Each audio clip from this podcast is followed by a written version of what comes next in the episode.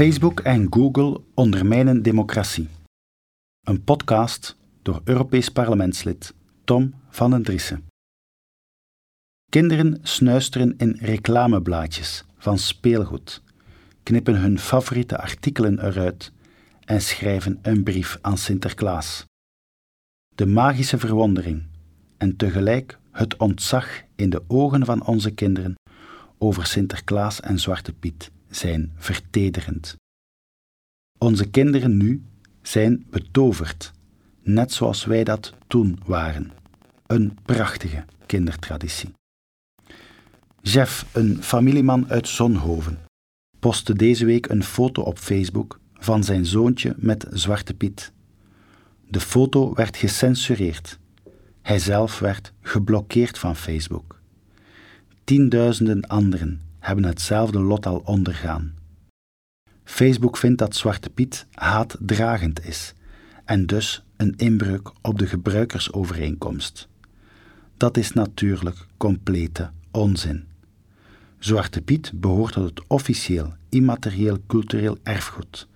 En Unia oordeelde eerder al dat het niets met racisme te maken heeft. Zwarte Piet is niet in overtreding met de antidiscriminatiewetgeving.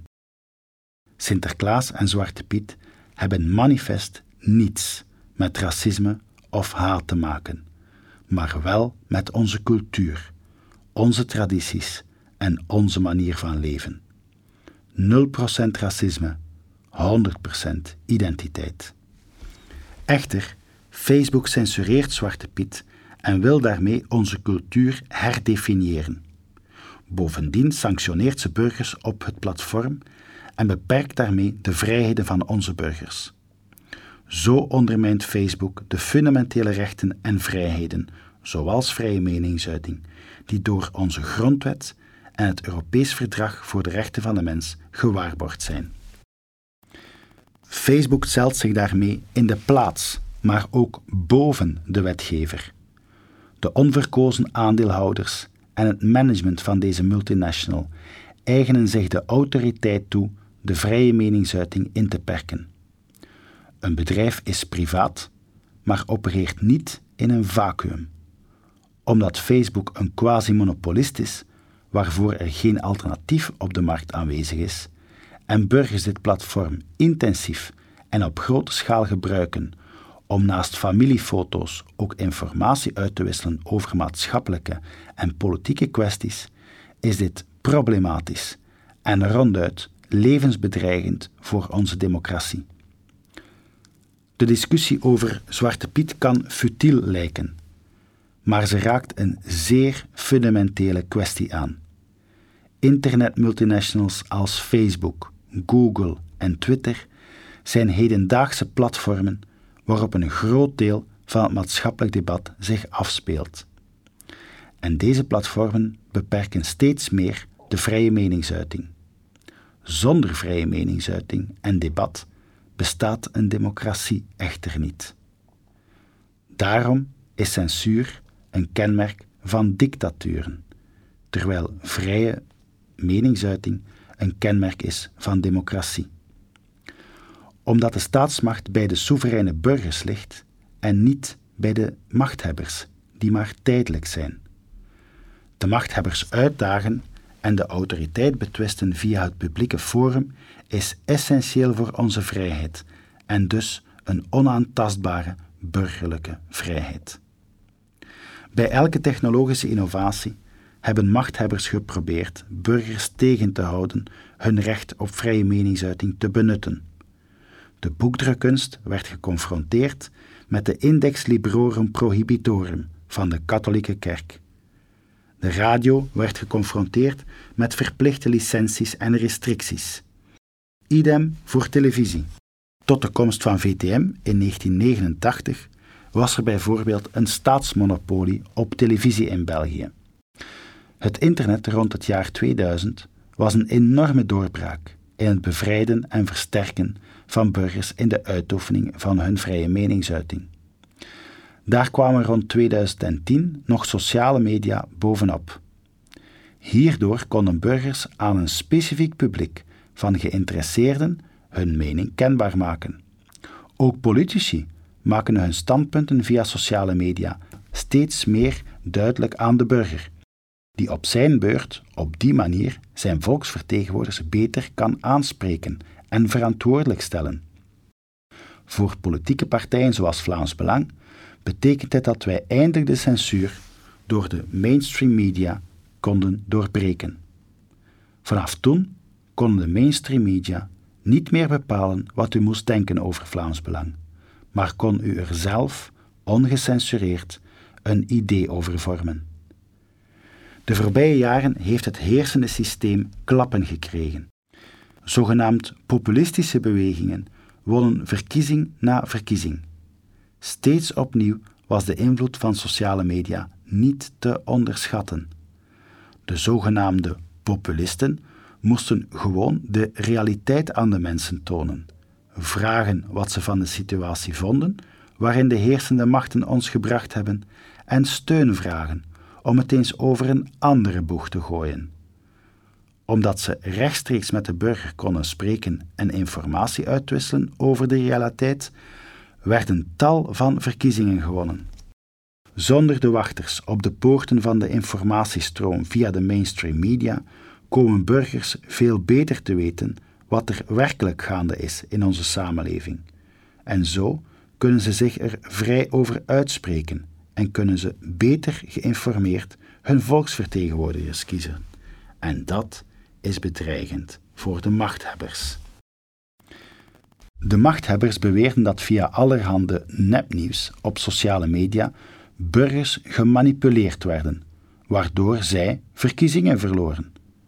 Dat is een mythe, waarvoor geen enkel bewijs bestaat. Nepnieuws bestaat natuurlijk wel, en dat wordt door het vrije debat en de vrije informatiegaring weerlegd.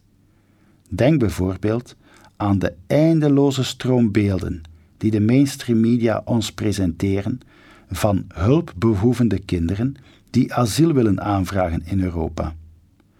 De burger heeft echter door dat de mainstream media ons probeert emotioneel te chanteren en te manipuleren, omdat hij de realiteit van asielzoekers in zijn stad ziet en erover debatteert met anderen. Wat de mythe van het nepnieuws wel duidelijk maakt, is de arrogantie van de machthebbers. Paternalistisch zeggen ze eigenlijk dat de burger te dom is om waarheid van fictie te onderscheiden.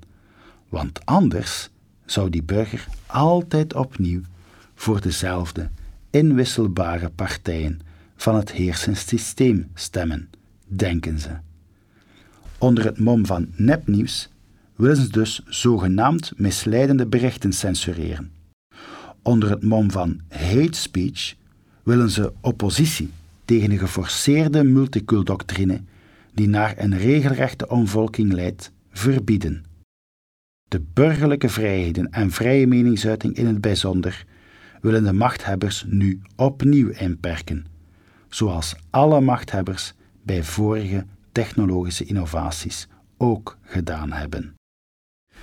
Er is echter een belangrijk verschil met vroeger. Vrije meningsuiting kent natuurlijke grenzen. Oproepen tot geweld bijvoorbeeld mogen gecensureerd worden. Het eigenaarschap van de informatie en dus ook de censuur is echter verschoven van de wetgever naar private bedrijven.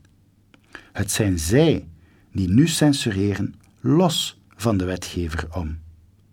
Big tech bedrijven zoals Facebook, Google, Twitter, etc., zijn cruciaal in de hedendaagse informatiestromen tussen burgers en hun volksvertegenwoordigers. Ze zijn een platform, net zoals het internet zelf, zijn internetmultinationals niet verantwoordelijk voor wat erop staat.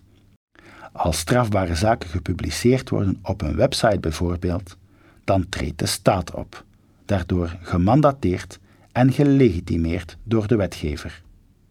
Maar nu treden de internetmultinationals in de plaats van die wetgever op. De gebruikersovereenkomst van deze multinationals achten ze bovengeschikt aan de nationale wetgeving die via een democratisch proces tot stand gekomen is. Als internetmultinationals echter censureren op zaken die niet wettelijk strafbaar zijn, dan plaatsen ze hun gebruikersovereenkomst boven de nationale wetgeving. Dan maken ze van zichzelf een uitgever en zijn ze niet langer een platform. En dan zijn ze zelf verantwoordelijk voor wat ze publiceren in plaats van de gebruiker. Door de dominante positie in de markt zijn deze internetmultinationals quasi-monopolisten. Dat betekent dat normale concurrentie onmogelijk is. De monopoliepositie van deze multinationals en de wijze waarop ze ermee omgaan bedreigt steeds meer onze vrijheden, de normale marktwerking en dus onze democratie. De Europese Unie heeft alle instrumenten om op te treden. Waar wachten ze op? Toen eind 19e eeuw de antitrustwetgeving monopolies aanpakte, wist men het al waarom dit zo belangrijk was.